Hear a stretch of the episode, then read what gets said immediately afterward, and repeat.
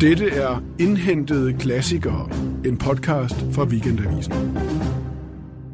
Det, man er bange for, når man læser Lolita, er jo at komme til at forstå den pædofile, sympatisere med ham, måske endda dele begæret. Sådan skrev du, Linnea, da du skrev om øh, Lolita af Vladimir Nabokov. Men hvordan oplevede du det? Jamen, jeg, jeg oplevede faktisk, at, at det er enormt smittende, den måde fortælleren beskriver barnet Lolita, altså med alle de her sansninger af hende, hvordan hun øh, dufter og glitrer og, og, og ser ud og føles på alle mulige måder. Og det, det er meget svært ikke at mærke det selv, fordi, fordi øh, at prosaen er så god, som den er. Og så, så man ser den her 12-årige pige sammen med Humbert Humbert? Ja, og man ser hende øh, ja, igennem ham. Ikke? Eller sådan, at, at man ser Lolita ligge i øh, græsset i haven i det æblegrønne lys og, og svede lidt øh, på hendes lænd, eller have bikini på, eller et eller andet. Ikke? Og, og, det, og så kan man jo som læser mærke begæret hos Humbert Humbert. Ja. Kan man også mærke det hos sig selv? Nej, altså det, jeg synes faktisk godt, man kan forholde sig immun over for det. Også fordi man er, man er jo advaret. Man ved godt, hvad det er, man går ind til, når man læser Lolita. Så jeg synes, man er vaccineret mod det på en eller anden måde. Man, man ligesom, men, men jo, det er det. Det er jo smittende, fordi sansninger er så stærke. Det er meget svært ikke at få at vide. Altså ligesom, tænke på at bide i en citron, altså får man ligesom det der sure vand i, i munden, at, at det sker nærmest, før man kan nå at, at, at, at lade være med at tænke det. Så der går nærmest en slags sansning forud for, for tænkningen. Ja. Linnea Maja Ernst, du er skribent her på Weekendavisen inden for kultur- og litteraturområdet, og du har i vores serie om indhentede klassikere læst øh, Vladimir Nabokovs roman fra 1955, Lolita. Det er et af de mest skandale ombruste værker overhovedet i det 20. århundrede. Og du har haft lyst til at indhente det. Hvorfor? Jamen netop fordi, at ligesom både lover en skandale og litterær kvalitet. Altså det, at det er en klassiker, men også at det har den her forbudte karakter, også i forlængelse af det, du lige spurgte om, øh, mm, om, om hvorvidt man kommer til at dele begæret. Det er som om, det er den her sådan, at vi er så vant til at tænke, at det, øh, det tror jeg, jeg skrev i min anmeldelse, at, at, at, øh, at vi begærer det forbudte, så når vi så bliver præsenteret for noget, der er forbudt, altså barnet som et erotisk objekt, så tror vores hjerner nærmest automatisk, at vi så også begærer det. Altså, du har været, du har været inde og lige og kindkyse, tror jeg, man kan sige, med det her ja. værk her for mange år siden, og skyndt dig væk igen. Ja. Og det var egentlig ikke fordi, at øh, jeg blev sådan moralsk stødt. Det var fordi, jeg blev personligt fornærmet over, hvordan Humbert Humbert, fortælleren, inden han overhovedet møder Lolita, der har han sådan en, øh, en gennemgang af sin nymfe-teori om, hvordan at der er en lille promille blandt sådan nogle præpubertære, knap pubertære piger, som er nymfer, som er sådan halvt dæmoniske, halvt uskyldige, og som altså ifølge ham selv er udenom, eller det der skæbne ligesom at tiltrække meget ældre mænd. Og de her nymfetter, de er altid øh, ekstremt yndige og ekstremt sådan langlemmede, slanke. Selvom de spiser masser af fed mad, så sætter det sig ikke på dem. De er sådan overjordisk eteriske. Øh, og, og hvorimod øh, øh, buttede piger i den alder, hvor jeg selv sad og var 14 og læste og var buttet, øh, kommer ikke med i den kategori. De, altså han afskriver dem som sådan vulgære. så du, du er nærmest øh, altså sådan instinktivt forarvet og sur over ikke at være en del af nymfætekategorien der. Øh, ja, og det er jo sådan, altså, det vil man jo heller ikke være, men, men, men alligevel svært ikke at blive fornærmet på sin forfængelighed over at blive smækket ud af klubben det er på klart, forhånd. Det er altså. klart, og så kan man have det der med, hvilke klubber vil man egentlig være medlem af, og nogle gange helst dem, hvor man ikke må være med. Præcis. I den her klub indhentede klassikere, der øh, har vi hen over foråret i avisen præsenteret en hel masse øh, læsninger af ting, som vi først er kommet til nu. Du er kommet til Nabokovs øh, Lolita, og den er omdrejningspunktet også for den her podcast om indhentede klassikere. Mit navn er Johannes Bavn, jeg er litteraturredaktør på Weekendavisen. Velkommen. Der er, der er meget kunst ved den her roman. Den begynder mm. med et lille fiktivt forord, eller er skrevet af en fiktiv person, øh, John Ray Jr. Han er ven til den advokat, der har forsvaret Humbert Humbert, mm. men Humbert Humbert er død i fængslet øh, et par år før, Og nu har vennen til advokaten, gennem advokaten, fået Humbert Humberts dagbogsoptegnelser i hånden. Hvad er det for noget, han har fået? Jamen, det er en, en dagbog eller en gennemgang af Humbert Humberts øhm, møde med Lolita. Også hans, hans selvbiografi, indtil han møder hende. Men det, der fylder, er, at han, han møder pigen Lolita og forelsker sig helt vanvittigt i hende og øh, gifter sig med hendes mor, som så belejligt omkommer kort efter, og så suser Humbert Humbert og Lolita så bare på kryds og tværs hen over USA, og, og har ifølge ham et forhold, som man så som læser kan tænke sig frem til, er, er, altså, er overgreb, er, er voldtægter af det her barn. Og det var der ret mange, der reagerede på, dengang han havde skrevet bogen. Han havde nemlig ret svært ved at få den udgivet i, uh, i midten af 50'erne i USA. Der var flere af de store forlag, der sagde nej, uh, og faktisk var der en redaktør, der advarede sine kolleger i branchen mod at antage det her værk. Uh, han sagde simpelthen, I risikerer bare at komme i spillet for det. Ja. Så endte det med at udkomme på et uh, erotisk forlag i Frankrig, uh, blev en spontan skandale og blev straks forbudt der, tre år senere i 58 udkom det i USA, og der var ligesom med skandalesnakken så stor, at øh, værket solgte 100.000 eksemplarer på et par uger. Ingen havde set noget lignende siden mm. Borte med Blæsten 20 år før. Det var helt vanvittigt. Så det, der er den her pendulering mellem skandale og censur og succes, yeah. og den rundgang har vel egentlig bare kørt siden. Det tror jeg. Ja. Det, øh... For, forstår du det?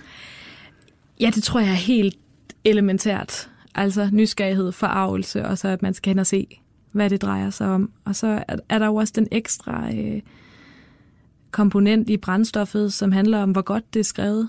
Altså ud over skandalehistorien, hvor man så kan være forarvet og nysgerrig og skulle hen og kigge på biluheldet, og så bliver man bare chokeret over, hvor smukt biluheldet er, hvor smuk lakken er, hvordan det bare sådan, altså er, er fortryllende skrevet, og både sådan, at han ikke Nabokov ikke kan lade være med at have alle de her nuancer i farver og i smag og i lys og så videre med, men også den måde Humbert Humbert er sådan en spændende skurk. Altså han er virkelig et spændende svin, synes jeg, altså fordi han er så arrogant øh, med sådan franske gloser strøget igennem teksten og sådan en, en total snæren af det, det her amerikanske lilleby samfund, han kommer til, hvor det eneste, der overhovedet finder noget for hans blik, altså Lolita, ikke? og alt andet er bare til grin. Og nu skal vi høre et øh, lille tekststykke, hvor han øh, endnu ikke er et øh, fuldt udfoldet svin, men hvor han uh, gør sådan nogle betragtninger, og det er vel det rigtige at sige, gør sådan nogle betragtninger uh, om Lolita, uh, fordi hun ligesom hele tiden er i randen af hans synskreds. Mm. Hvorfor har du valgt det her stykke?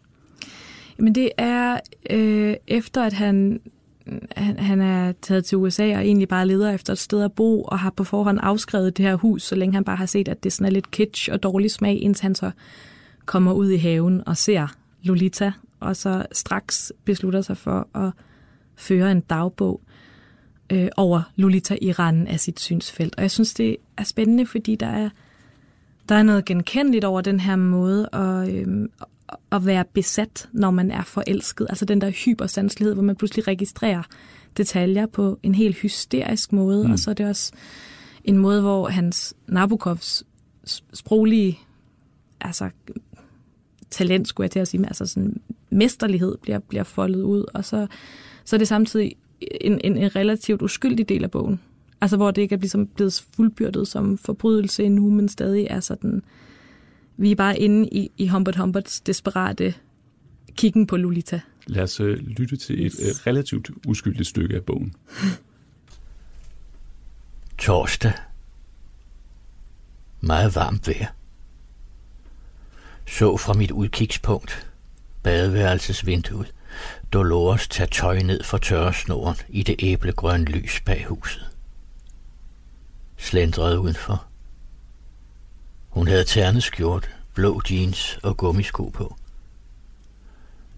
Hver eneste bevægelse, hun gjorde i den flimrende sol, slog på de hemmeligste og mest følsomme strenge i min usle krop. Lidt senere satte hun sig ved siden af mig på det nederste trin på den bagerste verandatrappe og gav sig til at samle småstenene mellem sine fødder op. Småsten ved Gud og så et lille krum glasskår fra en mælkeflaske, der lignede en snærende overlæbe, og kastede dem efter en dåse. Ping! Man kan ikke anden gang. Man kan ikke ramme den. Det er en ren pine anden gang. Ping! Pragtfuld hud. Og pragtfuld. Blød og solbrændt. Ikke den mindste plet. Man får bumser af Sundays. Hvis der er for meget sebum, et fedtstof, som giver næring til hudens hårsække, kan det føre til irritation og senere infektion. Men nymfetter får ikke akne, selvom de propper sig med fed mad. Gud, Gud. Det er den rene pine. Det silkebløde skær over tændingen, hvor håret bliver lysebrunt. Og den lille knogle, der sidder under huden på siden af hendes støvpudrede ankel.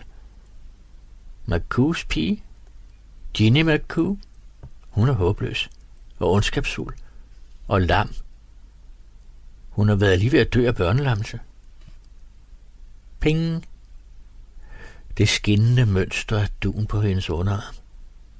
Da hun rejste sig for at tage vasketøjet ned, fik jeg mulighed for på afstand at beundre den slitte bukse bag hendes oprullede jeans. Udstyret med et kamera dukkede den fade Mrs. Hayes op af græsplænen som et kunstigt fakirtræ, og efter en hel del heliotropisk vimren omkring, bedrøvede øjne op, glade øjne ned, havde hun den frækhed at tage et billede af mig, mens jeg sad og missede med øjnene på trappetrinet. Jeg, Humbert LeBel. Fredag så hende gå afsted med en sort pige, der hed Rose. Hvorfor ophisser hendes måde at gå på mig i så afskyelig grad? Hun er jo kun et barn, for pokker et rent og skært barn. Analyser det. En antydning af indadvendt til.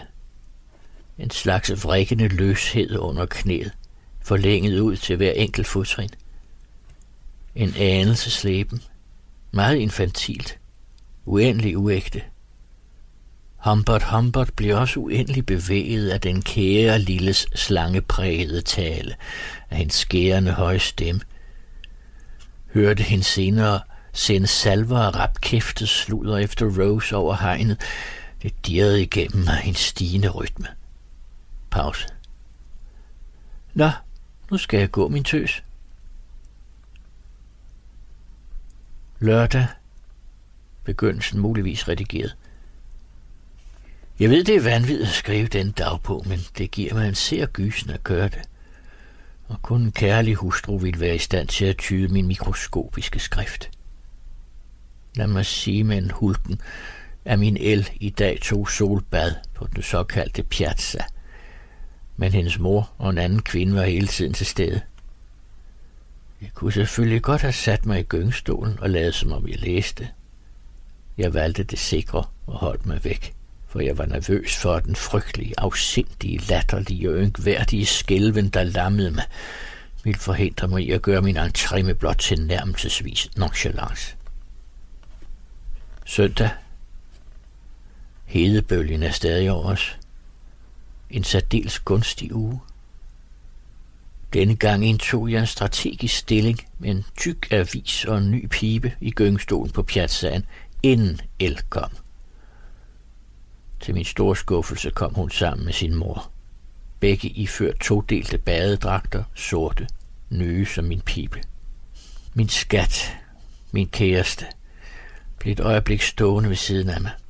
Hun ville have tegneserien, og lugtede næsten nøjagtigt ligesom den anden hen ved Rivieraen, bare mere intenst og med stærkere overtoner, en solstegt lugt, der omgående fik min manddom til at røre på sig.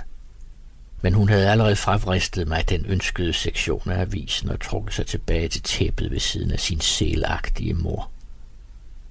Her lagde min skønhed sig på maven og viste mig, viste de tusinde øjne, der var spærret op på hvid gab i mit seende blod, sine let løftede skulderblade, dukken langs ryggradens krumning, de svulmende, spændte, smalle baller klædt i sort og skolepilårenes strandbred. Syvende klasses eleven nød sine grønne, røde og blå tegneserier i tavshed. En mere henrivende nymfet kunne end ikke den grønne, røde og blå priapus have udtænkt, mens jeg sad med tørre læber og stirrede ud gennem prismatiske lag af lys og fokuserede min lyst og gyngede svagt under avisen, havde jeg følelsen af, at hvis jeg koncentrerede mig tilstrækkeligt om min oplevelse af hende, var det måske nok til straks at udløse en tiggers lyksalighed. Men som et rovdyr, der foretrækker et bytte i bevægelse frem for et stivnet offer, foretræk jeg at lade denne ynkelige tilfredsstillelse finde sted, samtidig med en af de forskellige pigede bevægelser, hun foretog sig fra tid til anden, mens hun læste. For eksempel når hun kløede sig midt på ryggen og afslørede en prikket armhule. Men fede Hayes ødelagde pludselig det hele ved at vende sig om og bede mig om ild, hvorpå hun indledte en kunstig samtale om en falsk bog af en populær plattenslager. Mandag. Delectatio morosa. Jeg tilbringer mine bedrøvelige dage i dolor og kvide. Vi, moder Hayes, Dolores og jeg, skulle have været til Hourglass Lake i eftermiddag for at bade og dase, men perlemors skyer om formiddagen udartede ved middagstid til nedbør, og lå lavede en scene. Gennemsnitsalderen for pubertetens indtræden hos piger har vist sig at være 13 år og 9 måneder i New York og Chicago. Alderen kan dog svinge fra 10 eller tidligere, helt op til 17. Virginia var endnu ikke fyldt 14, da Harry Edgar tog hende. Han underviste hende i algebra, Shermy Machine Zola. De var på bryllupsrejse i Petersburg, Florida. Monsieur Popo, som en ung mand i en af Monsieur Humbert Humberts klasser i Paris, kaldte digter digteren. Jeg har alle de træk, som i henhold til de forfattere, der skriver om børns seksuelle interesser, får reaktionerne til at røre på sig i små piger. Et stærkt kæbeparti, muskuløse hænder, en dyb klangfuld stemme og brede skuldre. I øvrigt skulle jeg efter sine ligne en sanger eller skuespiller, som lovede er varm på. Tirsdag. Regn. Regnens sø. Mamma er ude for at købe ind. El var et sted i nærheden, vidste jeg. Som følger en række snigende manøvrer fandt jeg hende i hendes mors soveværelse. Hun forsøgte at tvinge sit venstre øje op for at komme af med et korn af et eller andet. Ternet kjole. Selvom jeg elsker hendes berusende brune duft, synes jeg altid, at hun skulle vaske håret en gang imellem. Kort øjeblik var vi begge badet i det samme varme grønne lys fra spejlet, som genspejlede kronen på en poppel med os op i himlen. Hold fast om hendes skulder, og mere nænsomt om tændingerne, i det jeg drejede hende rundt. Det er lige der, sagde hun. Jeg kan mærke det. I Schweiz fjernede bondekonerne den slags med tungespidsen. Slikker de det ud? Ja. Skal prøve? Ja, ja, svarede hun. Jeg trykkede forsigtigt min dirrende brød mod hendes rullende salte øjeæble. Fint, fint, sagde hun og blinkede. Det er væk. Så det andet. Nej, de tosset, begyndte hun. Der er ikke noget. Man har så hun mine spidsede læber nærme sig. Okay, sagde hun samarbejdsvilligt, hvorpå Slampert Humpert bøjede sig frem mod hendes varme, opadvendte solbrune ansigt og trykkede sin mund mod hendes skælvende øjenlåg. Hun lå og stormede forbi mig ud af værelset. Mit hjerte var alle vejen på en gang. Aldrig i mit liv. Ikke engang da jeg kælede for min barnekærlighed i Frankrig. Aldrig. Nat. Aldrig har jeg oplevet en sådan pine. Jeg vil gerne beskrive hendes ansigt, hendes måde at opføre sig på, men jeg kan ikke, for mit begær efter hende blænder mig, når hun er i nærheden. Jeg er sgu ikke vant til at være sammen med nymfætter.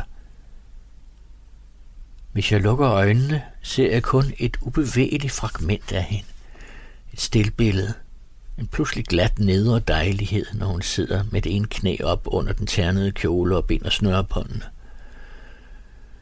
Dolores Hayes, ne montrez pas vos jambes. Dette fra hendes mor, som bilder sig ind, at hun kan fransk.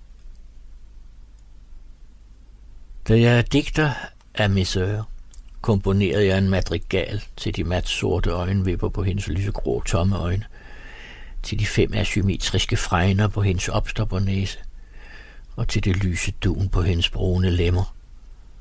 Men jeg rev det i stykker, og husker det ikke længere. Kun i de mest banale vendinger, dagbogen ført videre, kan jeg beskrive Loves træk. Jeg kunne sige, at hendes hår er kastanjebrunt, og hendes læber så røde som et slikket rødt bolsje. Underlæben nydelig fyldig. Ah, gid jeg var en kvindelig forfatter og kunne få hende til at posere nøgen under en nøgen pære. Men jeg er tværtimod den ranglede, kraftigt byggede, uldbrystede Humbert Humbert med tykke sorte øjenbryn og en underlig accent og en slamkiste fuld af rådne uhyre bag et langsomt drenget smil. Hun er heller ikke det skrøbelige barn, man finder i kvinderomaner. Det, der driver mig fra sans samling, er dette, måske alle nymfetters dobbelte væsen. Denne blanding i min Lolita er spæd, drømmende barnlighed og en slags sælsom vulgaritet, der stammer fra reklamer så ugebladets nuttede opstopper næser, For slørede lyserøde pubertetstjeneste piger i den gamle verden, med en lugt af knust tusind fryd og sved, og for helt unge skøger og kamufleret som børn i provinsbordeller. Og så blandes det alt sammen yderligere med den udsøgte pletfri sarthed, der siver gennem muskusen og mudret, gennem snavset og døden. Åh oh, Gud, åh oh, Gud. Og det allermest enestående er, at hun, denne Lolita, min Lolita, har individualiseret forfatterens elgamle lyst. Sådan er det først og fremmest hen over alt det andet, er denne ene. Lolita. Linnea, du beskrev indledende den her frygt for, at man ligesom blev en del af, altså nærmest blev et med Humbert Humbert og blev mm. en del af begæret og sådan noget. Forstår jeg sådan set godt, for det, det, er, jo, det er jo lækkert skrevet. Mm. Men det er også ulækkert. Det er også ulækkert. Og, og man, jeg synes, jeg oplever sådan en, øh, en splittelse ned gennem hjernen i min sådan i mit, øh, mellem mit moralske jeg og mit æstetiske jeg, eller hvad skal man sige, fordi at man kan jo ligesom sam, både altså, på samme tid smage det og fordømme det på en eller anden måde. Det er jo super vemmeligt og klamt, og det, det kan jeg sagtens se, men, men, men det er det. Hold kæft, hvor er jeg nem og narre, hvis der er nogen, der skriver æblegrønt lys. Altså, så tænker jeg bare sådan, okay, okay, jeg vil godt høre, hvad du har at sige videre. Ikke? Og, og øhm. der, der, har han, øh, der har han jo læseren og, og, og dig, altså fuldstændig i sin hulehånd, og han ved det endda godt, ikke? Jo, jo. Han skriver et sted, Humbert Humbert, man kan altid regne med glitterprosa fra en morders hånd. Ja. Yeah. Og det her, det, det er jo bare glitterprosa, ikke? Jo, fancy bros. Ja. ja. og let, let at elske, og virkelig rigtig, rigtig svært at have, ikke også? Jo, fordi Mm, også fordi der tit er så mange kedelige skurke, synes jeg, eller skurke, der ikke ved, de er skurke. Og der er det faktisk interessant, at han har sådan 3-4-5 lag af selvbevidsthed omkring sin måde at være skurk på, og så alligevel lyver for sig selv. Altså, gudskelov er der flere steder, hvor at man som læser føler, man gennemskuer, hvordan han, han lyver om, hvem han er og hvad han gør. Ikke? Bogen er delt op i to dele. I første del cirkler han omkring Lolita. I anden del så er han hende med på toget gennem USA og fuldbyrder overgrebene. Ja. Du beskriver, hvordan du egentlig var med ham i første del, og så står du af i anden del. Hvor, hvor, hvor, længe, hvor længe holder du med ham? Jamen, så længe... Jamen, ja, det, er også, øh, det føles også kontroversielt at sige, at jeg holder med ham. Jamen, så holder jeg ham. Ja, så, øhm, så længe han kun drømmer om Lolita. Og det er nok fordi i virkeligheden, at han er så god til at være selvudslættende samtidig. Jeg har simpelthen sådan en, en, en svaghed for, øh, for, for selvironiske, selvudslættende fortællere. Altså, og så snart at han ligesom bortfører hende og tager hende med på de her moteller og, og forgriber sig på hende, så, altså, så holder det op med at være en charmerende fortælling. Ikke? Selvfølgelig, altså, så det, så det er en anden... Er, er, altså, altså er det sådan? Er, kan, kan hans øh, sproglige mesterskab ikke øh, trække dig med ind i det rum? Nej, det synes jeg ikke, og jeg tror faktisk, at det er mindre ædle grunde, end jeg vil ønske. Jeg tror også, det handler om, at øh, Humbert Humbert selv jo bliver mindre fascineret af Lolita, efter han har haft hende. Altså ligesom med alt muligt andet, at det er længslen og drømmen om et eller andet i horisonten, der får det til at glitre særlig skønt, og når det så er opnået, så er det mindre magisk. Så der kommer også en eller anden fadhed, eller sådan en, øh, altså han bliver også træt af hende, og der er en anden sådan, nu hænger de ligesom på hinanden. Og, og det bliver sørgeligt og tungt og, og mærkeligt på en anden måde i anden del, hvor de bare suser rundt på flugt fra et eller andet, de ikke helt ved. Der er også den her mystiske figur, øh, der, der, der, der er efter dem måske, og han er sådan, han er ligesom skrevet med ind i sådan nogle små clues i teksten, og måske er han i en bil bag ved dem, måske har han hele tiden været efter dem, måske han også et, et øh, øh, skabte noget paranoia i fortælleren, eller sådan. Og det kommer til at fylde meget mere i anden del, og det er ubehageligt på en helt anden måde. Også på en god måde, fordi det kunne, ikke gå, det, det, det kunne aldrig blive ved med at være sådan flimrende syndigt på samme måde, som, som, som første del er. Men under man øh, næsten øh, Humbert Humbert den her paranoide oplevelse? Altså, hvordan tænker du? Altså... Når, når han nu selv er en øh, pædofil superskurk, øh, er, det, er, det så, er det så som læser, er der noget, ligesom noget frisættende ved at få lov til at se ham som den plagede part? Ja, det er der, men så samtidig så er det som om, at, at, at det også bliver ens problem, fordi man er jo låst inde i Humbert Humberts perspektiv, så det bliver bare endnu mere ubehageligt, at der også er en eller anden, der måske skygger os. Øh. Og så der, der er jo de der mystiske lag, altså der er den mulige forfølger, der er Humbert Humbert, men han har en dagbog, og den er jo selektiv, og så er der John øh, yeah. Ray Jr., der, der sidder ude bagved øh, i, i lokalet, og bagved det er så jo Nabokov, Nabokov himself. Mm. Kan man lade være med at tænke på ham, når man læser den her bog? Jamen, jeg synes, det er svært, fordi... Øh, ja, altså jeg prøver at lade være med at tilskrive ham andre af Humbert Humberts øh, forbrydelser og dårlige egenskaber, end den øh, europæiske arrogance, som jeg tænker, at han, også, at han, at han faktisk deler med Humbert Humbert. Men jeg tror ikke, at det, det pædofile blik øh, skal tilskrives Nabokov. Men, men hvad baserer jeg egentlig det på? Det er måske bare sådan en, øh, en, en, en øh, doktrin fra litteraturvidenskab om, at man ikke må øh, gruppe forfatter og værk og det, det er en doktrin, som Nabokov, tror jeg, både videnskabeligt, men også meget lidenskabeligt i forhold til netop det her værk, øh, tilsluttede sig. Ja. Du siger før, at man, man, går ikke, man går ikke øh, altså ind til den her bog, uden at have en fornemmelse af den. At på en måde kan man næsten have en oplevelse af at have læst den, før man har læst den. Men nu har du faktisk læst den. Ja. Hvordan, øh, hvordan ser du så på den? Jeg synes, at det er noget af det bedste, jeg nogensinde har læst. Altså rent litterært. Også noget af det ubehageligste. Og jeg tror, hvis jeg skal læse den igen, så springer jeg bare anden del over. For nu har jeg læst den, og det var vemmeligt og, og redselsfuldt. Og så, øh, men første del kunne jeg holde ud og læse. Og jeg tror også, det, det er noget med den, den der kombination af, af, af, af litterær ironi, og så den æstetiske, øh, altså sådan, der, der, der er sådan en kæmpe verden, han får skrevet frem af, af, af lysflimmer og af Øh, jeg ved ikke, altså der, der er et eller andet kæmpe, kæmpe overskud. Det er ligesom at blive konverseret af sådan en eller anden borherre, som charmerer en fuldstændig, og så efterfølgende finder man ud af, at han var torturbødelig i et eller andet diktatur engang. Ikke? Eller sådan, at... så, så allerhelst vil du læse Humbert Humberts tidligere bog fra før han sprang ud som ja. Det her, ja. det var serien uh, Indhentede Klassikere, hvor de har hørt Linnea Maja Ernst og jeg selv, Johannes Bavn, tale om Vladimir Nabokovs Lolita. Carsten Farve læste op, Johanne Myggen producerede, og i teknikken sad Jens Marot.